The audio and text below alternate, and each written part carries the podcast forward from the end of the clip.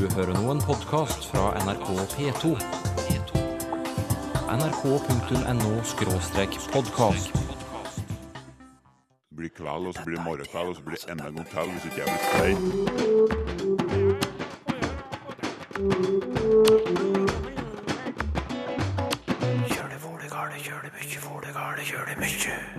En gang for lenge siden var Norge ikke stort mer enn Vestlandet. Veien mot nord, Norreger, det var skipsleia nordover. Og når du skal nordover i Norge med båt, så må du følge vestlandskysten.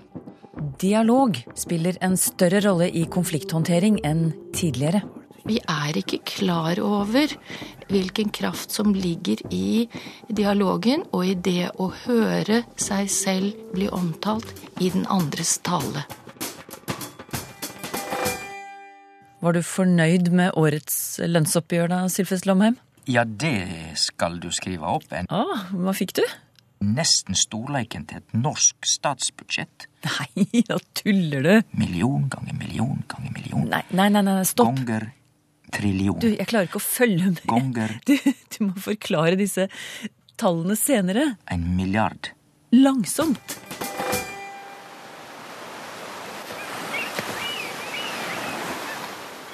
En gang i tiden var Norge et mye mindre geografisk område enn det er i dag. Navnet Noreger innebar først og fremst vestlandskysten. Og begrepet Nordlandet hadde ingenting med Nord-Norge å gjøre, men var i hovedsak landskapene på Vestlandet. Arne Torp, pensjonert professor i nordisk språkvitenskap. Du, hvordan henger dette sammen?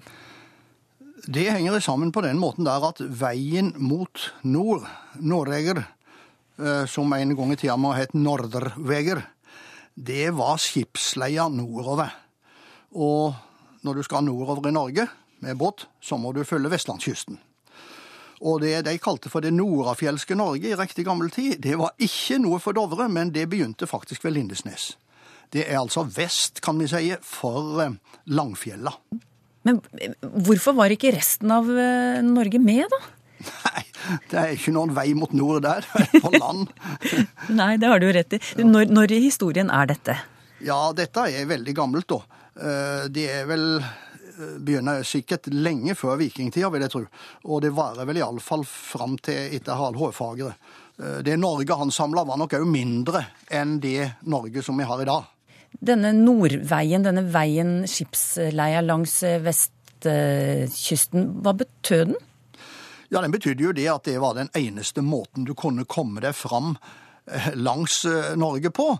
For over land var det jo for det første selvfølgelig ingen veier, og så var det jo forferdelig mange fjorder som er greie å seile på, men som er veldig ugreie å komme over hvis du går over land. Så det var den greieste veien å komme nordover på. Så det var Nordveien. Ja. Men du, hvis Norge, eller Norger stort sett var Vestlandet, hva med resten av det vi kjenner som Norge i dag? Hva kalte vi det på denne tiden? Ja, det var masse forskjellige kan vi si, lokale navn, akkurat som det var på Vestlandet òg. På Østlandet har du Viken, som er altså området på begge sider av Oslofjorden, eh, som heter Vik. Det er jo ei stor vik, da. Så var det Oppland, for eksempel, som var et stort område. Det er ikke nødvendigvis Oppland fylke, da. Så var det Raumariket, som er Romerike, Ringariket, som er Ringerike, Heidmark, som er Hedmark, og Telemark og Agder, osv., osv. Ja, Men hva kalte man eh, dem som bodde langs eh, vestlandskysten? Ble de kalt for nordmenn? Eh, Det tror jeg nok helst var de som bodde øst for fjella, som kalte de det. Ah. Jeg tror nok de hadde lokale navn av typen Rygir og Hordar og Sygnir og så videre. Det er de i Rogaland og Hordaland og Sogn, da. Jeg tror de at det var det de omtalte seg sjøle som. Litt mer lokale navn. Ja. Men de som bodde altså i Telemark og i fjelldalene, sånn som Haldres, Hallingdal, Valdres osv., som hadde en del med folk vest for fjellet å gjøre, de eh, tok ikke det der så nøye, så de kalte det for nordmenn. Det var de som bodde vest for fjella, og som bodde på Nordveien, da. Ja. Men altså, de brukte ikke det ordet om seg selv, de som bodde Jeg langs tviler på det. Iallfall ikke noe belegg for at de har gjort det. Men det er belegg for at folk i Telemark og, og Setesdal har kalt dem for nordmenn, og kalte det for Nordlandet, det som var på vestsida. Og vi har jo et veldig artig eh, stadnavn som heter Nordmannsslepa, som er en eldgammel eldgamle festelsveier over Hardangervidda. Og når du går Nordmannslepa, så kommer du til Nordlandet. Men når sluttet vi å avgrense Norge til bare å gjelde Vestlandet, da? Ja, jeg vil tro at det kom etter hvert som eh, hva skal vi si, rikssamlinga kom til å omfatte det som eh, er Norge da. Det var danskekongen som dominerte i Viken og på Østlandet, sannsynligvis òg da, eh, i den tida da Harald Hårfagre prøvde å samle Norge. Så han hadde nok ikke skikkelig tak på de landsdelene. Det var Vestlandet og Trøndelag som var Harald Hårfagres Norge. Men så ble det da etter hvert det vi kjenner i dag, sånn grovt sett. Til og med litt mer, med Båhuslen osv. Og, så og så skulle en jo tro da at det gamle navnet Noreger, som altså opprinnelig ble brukt om Vestlandet, at det er derfra vi har fått navnet Norge. Men det er ikke sikkert, mener du? Nei, jeg tror det kan ha vært innom eh, ei omtolking. Og da har jeg lyst til å eh, ta nabolandet med. For eh, Norge og Sverige er jo veldig like navn sånn som det er i dag, spesielt på svensk. Norge og Sverige, det er helt likt. Og det er norske dialektformer som Nori og Sverige, og Norge og Sverige, som er jo like. Så jeg tror det at det har vært innom ei omtolking, akkurat som Sverige har vært. For det virkelig gamle navnet på Sverige, det var Svefjord. Og det betyr ikke Svea rike, sånn som Sverige gjør. Det er sveenes rike, men det var det svenske folket. Altså et gammelt ord for folk, fjord, som er bevart i det islandske navnet på Sverige, Svithjord. Det er eh, blitt erstatta med Sveenes rike. Ikke Sveenes folk, men Sveenes rike. Ja. Og sveene er ei folkegruppe i Sverige som først og fremst uh, må ha hørt til i det som de kaller for Svealand, som er området omkring Mælaren, Stockholm, Uppland, uh, Uppsala og der. Mm. Og eh, det som er litt artig, er jo at eh, navnet på Sverige den, på tysk og engelsk, Sweden, Sweden, Sweden og den latinske forma Svetia, det går sannsynligvis tilbake på dette Svitjord. Og da tror jeg at nordmennene syntes det var litt artigere å kanskje bo i et rike og ikke på en vei. Ja. Og så er det blitt omlaga til eh, Nordrike. Nordrike, ja. Eh, sånn at eh, Norge er antagelig Nordriket, og ikke Nordveien. Men uh, i og med at uh, de er såpass fonetisk like at kan en godt komme på den tanken at det egentlig går direkte tilbake på uh, Nordveien. Men jeg tror som sagt ikke det. Og det er andre òg som har vært inne på den tanken. Ja, slik kan det henge sammen at landet vårt heter Norge. Det tror iallfall Arne Torp, pensjonert professor i nordisk språkvitenskap ved Universitetet i Oslo.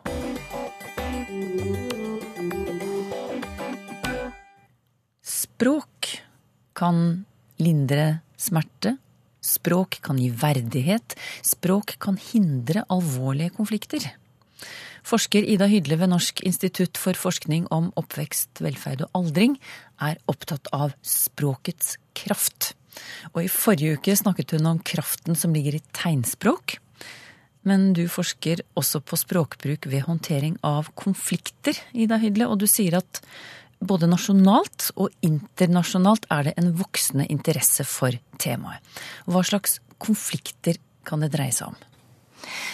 Ja, først så, ehm, så må jeg ehm, bare følge opp det du sa om kraften i språket, eh, for å forklare hvorfor jeg svarer som jeg gjør på spørsmålet ditt. Det som ligger bak en ny retning retning i å forstå hvordan man kan håndtere alvorlige konflikter, det er nettopp erkjennelsen av kraften som ligger i at folk møtes direkte og får anledning til å snakke sammen og å snakke ut.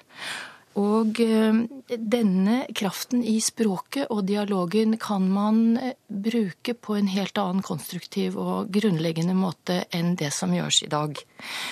Denne praksisen som har utviklet seg, kalles på engelsk for restorative justice. Brukt innenfor særlig strafferettssystemet. Eller restorative practices, som kan brukes i veldig mange sektorer i vårt samfunn. Og kan det, du oversette det uttrykket, tror du? Ja, det er eh, direkte oversatt er det jo gjenopprettende rett eller gjenopprettende praksis. Men det er egentlig et ikke så treffende begrep, dette med gjenopprettelse. For det er ikke alltid gjenopprettelse eller gjenoppretting det handler om, men det handler om at bare det å møtes kan gi lindring og forsoning uten at det nødvendigvis kan gis tilgivelse for det som har skjedd, eller at partene f.eks. blir enige om å bli venner eller opprettholde en relasjon.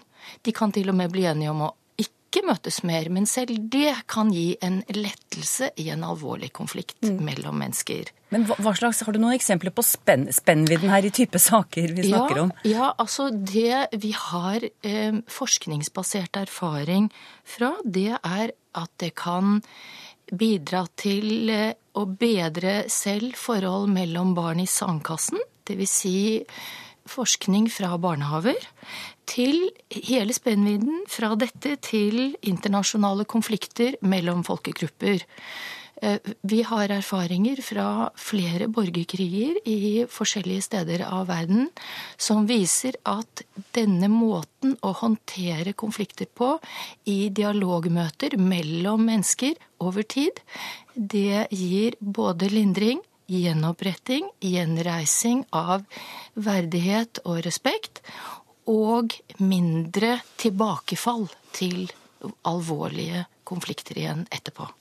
Hvis vi nå prøver oss på et konkret eksempel eh, som kanskje ligger litt nærmere oss enn en de store internasjonale sakene. Ta en kriminell handling, eh, et ran f.eks. Gjerningsmannen idømmer straff. Offeret får erstatning, saken er avsluttet. Men så skal de altså møtes etterpå for å snakke sammen. Hvorfor skal de gjøre det? Fordi at vi vet fra forskning eh, innenfor straffesakskjeden at veldig mange ofre for kriminelle handlinger sitter igjen både med en forferdelig angst for å møte gjerningspersonen igjen, eh, og ikke minst en følelse av at de ikke fikk komme til orde i sin egen sak. De fikk ikke snakket ut i rettssalen. De får ikke snakke ut direkte med gjerningspersonen om det som har skjedd. Og i det å snakke ut ligger det veldig mye lindring og gjenoppreising. Hva, hva mener du med det? At det ligger lindring og gjenoppreising i det å snakke ut? Jo, det, det er nettopp dette med språkets kraft. Det er at når du får møtes ansikt til ansikt og snakket ut om hva du har opplevd, hva du har vært igjennom, hva du er blitt påført, så gir dette en oppreisning hos offeret i egen i respekt for seg selv og i respekt for også av og til faktisk den andre. Og den andre som har begått en straffbar handling, eh, kan også føle at vedkommende blir forstått, selv om det var feil, men at det var omstendigheter som aldri kom frem i rettssaken, som kan forklare, ikke unnskylde, men kanskje gi en forklaring, som igjen fører til at offeret ikke føler at gjerningspersonen er et monster, og at det går an faktisk å møtes etterpå hvis de var med venner f.eks. eller kjente hverandre på forhånd. Eller at de blir enige om å aldri møtes. Eh, Og det i seg selv kan gi en lettelse og en lindring for ikke bare offeret, men for begge parter. Du har vært megler i konfliktrådet, der slike møter gjerne finner sted. Hva kan skje hos offer og gjerningsperson i det øyeblikket de får snakke ut på egne premisser, som du sier? Jeg har registrert at, eh, at det av og til skjer eh, noe som mange eh, meglere i konfliktrådet kaller magisk, og som går igjen også i internasjonal litteratur. Og det er at når folk møtes og får snakket ut med hverandre, så skjer det noe i det møtet som man ikke kunne forutsette på forhånd, og som man heller ikke kan eh, på en måte planlegge. Du sier at det skjer noe magisk mellom disse to personene. Hva er det magiske som skjer når de setter ord på følelser og tanker? Ja, det er at de eh, Mange begynner å se det som skjedde, i et annet lys. De begynner å se seg selv slik de har det nå, i et nytt og annet lys. Hva er dette nye lyset? Ja, jeg skulle ønske jeg kunne forklare det inngående. Ehm, Det er noen filosofer som har skrevet om dette på en veldig klar og god måte. At vi er ikke klar over i, i våre samfunn i dag hvilken kraft som ligger i dialogen og i det å se seg selv i den andres blikk og høre seg selv bli omtalt i den andres tale. Og det er gjort forskning på dette i mange land eh, som har lignende konflikthåndteringsmåter som vi har i konfliktrådet i Norge. Eh, Og på veldig ulike typer konflikter, som vi var inne på tidligere. Eh, Og det viser seg at folk får det bedre gjennomgående i alle disse undersøkelsene som er gjort. Og forskerne har tatt for seg bare den mest troverdige og riktigst gjennomførte forskningen fra USA, eh, Canada, Australia, Storbritannia, andre europeiske land. Jeg nevnte innledningsvis at det er voksende interesse for språk og konfliktløsning både nasjonalt og internasjonalt. Eh, Hvordan merkes det? Ja, altså um, I at man nå ser hvilken kraft og hvilken positiv effekt slike møter kan ha i veldig mange ulike sammenhenger eh, i alvorlige konflikter, så har det faktisk vokst eh, frem en kunnskap og en kompetanse og en vilje i store internasjonale organisasjoner som anbefaler medlemslandene å innføre en lovgivning som sier at det skal være en rett for offer og gjerningsperson i straffesaker å møtes for å snakke ut. Og det skal skje uavhengig av straffesaken. Og dette gjelder um, FN, det gjelder EU, det gjelder Verdensbanken, det gjelder Europarådet. Alle disse ø, organisasjonene anbefaler medlemslandene å innføre en slik lov som gir nettopp parter rett til å møtes. Hvordan er det med rett til slike møter eh, i, her i Norge? Eh, Er det noen lov som sier noe om det? Altså, Vi har konfliktrådsloven fra 1991 som nå er under bearbeiding. Og det nye lovforslaget eh, når det gjelder konfliktrådsloven, er at dette skal innføres. Eh, Og det tror jeg vil styrke det norske samfunn. Det vil styrke det norske sivilsamfunn. Det vil styrke menneskers muligheter til å gjøre opp for seg. Eh, Det vil styrke vårt samfunn slik at ikke nye kriminelle handlinger blir begått i den grad som det gjøres i dag. Det sa lege og antropolog Ida Hydle ved NOVA, Norsk institutt for forskning om oppvekst, velferd og aldring. Hydle deltar også i EU-prosjektet Alternativ, et stort forskningsprogram om sikkerhet, som bl.a. undersøker bruk av dialog i konfliktløsning mellom folkegrupper. Det blir kveld, og så blir det morgentall, og så blir det ML-tall, og så blir det jævlig klein. Lytterne har pakket bort bunader og flagg og kastet seg over språkspørsmål igjen, Sylfest Lomheim. Knut Møllbakk eksempel etterlyser bakgrunnen til uttrykket 'gad vite'. Ja, det er ikke så lett å finne ut av det, ser jeg, fordi at eh, i eh, flere ordbøker, hvis vi slår opp på GAD, så finner vi det ikke. Men eh, iallfall i eh, Norsk ordbok til Kunnskapsforlaget, de har hjulpet oss litt, for der står det GAD, og så står det i parentes 1D til, altså GAD med to D-er. Så, eh, og da er vi òg på sporet av opphav, fordi at GAD med 1D er ei veldig alderdommelig form, og nå ville vi nok brukt to d-er. GAD. Det er rett og slett fortidsforma av å gidda å få seg til. Og, en gammel bruk av gidda, altså ei gammel mening, var òg å gjerne ville noe. Og da stemmer det jo. Eh, gadd vite. Skulle gjerne vite. Så det er det det betyr. Og så står det jo Helsing eh, Knut Møllbakk også med et smilefjes 'Gid det var så vel'. Og gid er jo òg et slikt ord, og det er ei forkorting for Gud i det. Altså måtte Gud la det skje. Det har med Gud å gjøre. Så det er et helt annet ord. Men begge, både gad og gid, er ord. Ja, det er ikke ord som verken du enn eller jeg bruker så veldig, enda vi er jo litt oppi åra. Så dette er litt gammeldagse ord. Det må vi vel bare legge til. Reidar Kårbø spør hva er 1000 milliarder? Jeg har pleid å si en trillion, skriver han, men ser at ulike nasjoner bruker ulike benevnelser. Derfor bruker jeg nå milliarder for å være sikker. Altså, hvordan teller vi store tall på norsk, og hvilke fallgruver har vi ved oversettelser fra amerikansk? Ja. Her, her er det om å holde tungen, tungen beint i munnen, for her, her kan det bli forvirring. Ja, det skal du skrive opp enn fordi at eh, her kan han jo rett og slett, hvis han tuller med omsetning av ord som billion og milliard, så kan det fort bli feil i nesten storleiken til et norsk statsbudsjett i penger. Såpass. Så jeg tror vi tek det stegvis.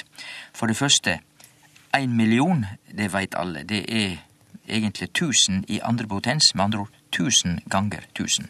Det er en million. Og så, hvis vi har en million ganger 1000, da får vi milliard. Og hvis vi har million ganger million, da er det billion. Og det betyr at million i andre potens, altså da er det million ganger million, det er det som er billion. Og hvis vi har million i tredje potens, da kan vi tenke oss million med et lite tretall. Det heter trillion.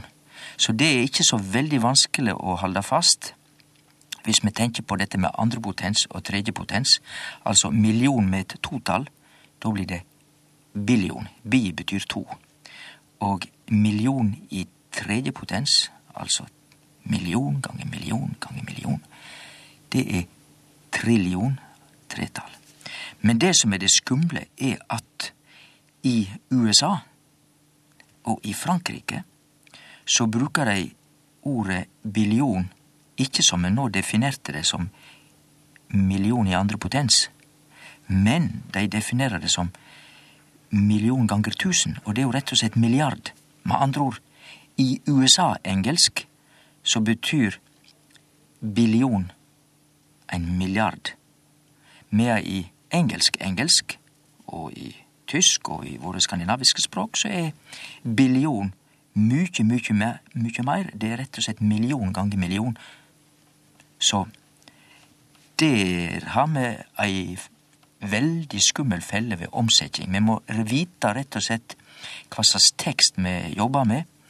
Eh, hvis det står eh, billion i ei tekst på engelsk, så må vi sjekke om den teksten er fra USA eller fra den engelskspråklige verda ellers. Så skumle greier med disse tallene i omsetning. Et i og for seg uviktig problem oppsto over desserten i dag, forteller Ivar Olstad. Hvor stammer ordet eggedosis fra? Og det betyr at uh, Ivar Olstad spør om hvor har vi ordet dosis ifra. Og det er reinhekla gresk. Det heiter dosis på gresk, og det betyr en liten porsjon. Eller òg ei lita gåve, men eh, kanskje helst en porsjon. Og det fornorska ordet av dosis er jo ein dose, som alle kjenner til ifra medisin og andre sammenhenger. Og så har vi verbet òg å dosere, som betyr å måle opp i passe doser, porsjoner. Men da må vi hugsa på at dere lurer det ei lita felle. Dosere kan også være et ord for å snakke, altså undervise, men det ordet har da kommet til norsk fra latin, og ikke fra gresk. Så eh, eggedosis er sjølvsagt da bare ein porsjon med egg. Øystein eh, Sande skriver til oss. Jeg har alltid trodd at ordet havari var avledet av hav, siden det betyr å forlise på havet. Men så oppdaget jeg at ordet også finnes i andre europeiske språk, gjerne med en e til slutt, og det i språk som har helt andre ord for havet. Så hva er opphavet til havari? Det er ikke hav.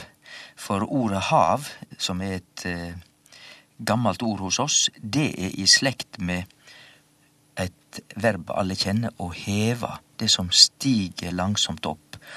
Og da skjønner vi jo at ordet hav Etter gammelt har jeg alltid sett at når du er ute på havet, så, og du ser ut på havet, så stiger liksom havet opp mot horisonten.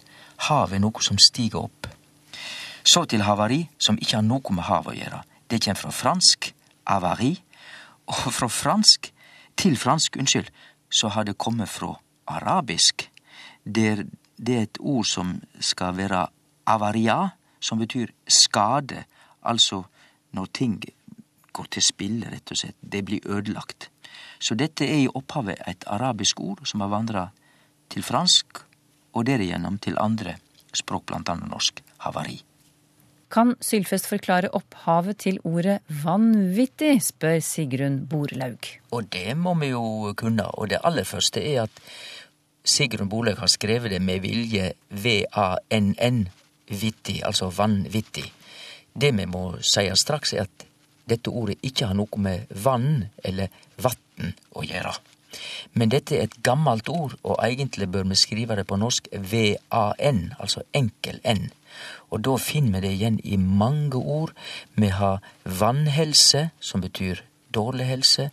Vi har vannvørde, som betyr å ikke vøre eller sette pris på. Vi har det gamle ordet vannfør, som er det samme som ufør, altså ikke å være før, altså ikke å fungere. Og i vannvare, da passer ikke du på, så da går det gale hvis du har gjort noe i vannvare. Dette er et gammelt germansk ord. Vi har det på tysk. Eh, der heiter galskap for vansinn. Og det er da ikke klokskap. Så eh, for sinn er jo det vi har inni hovudet. Vansinn.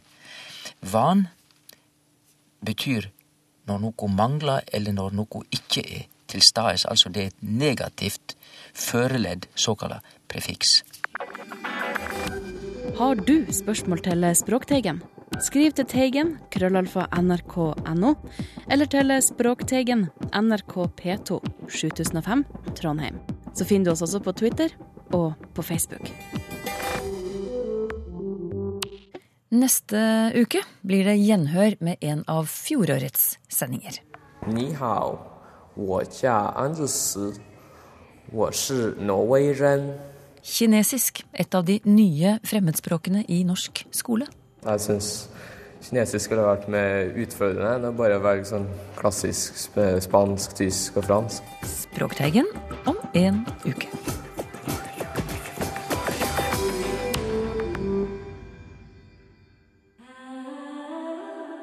nrk.no podkast.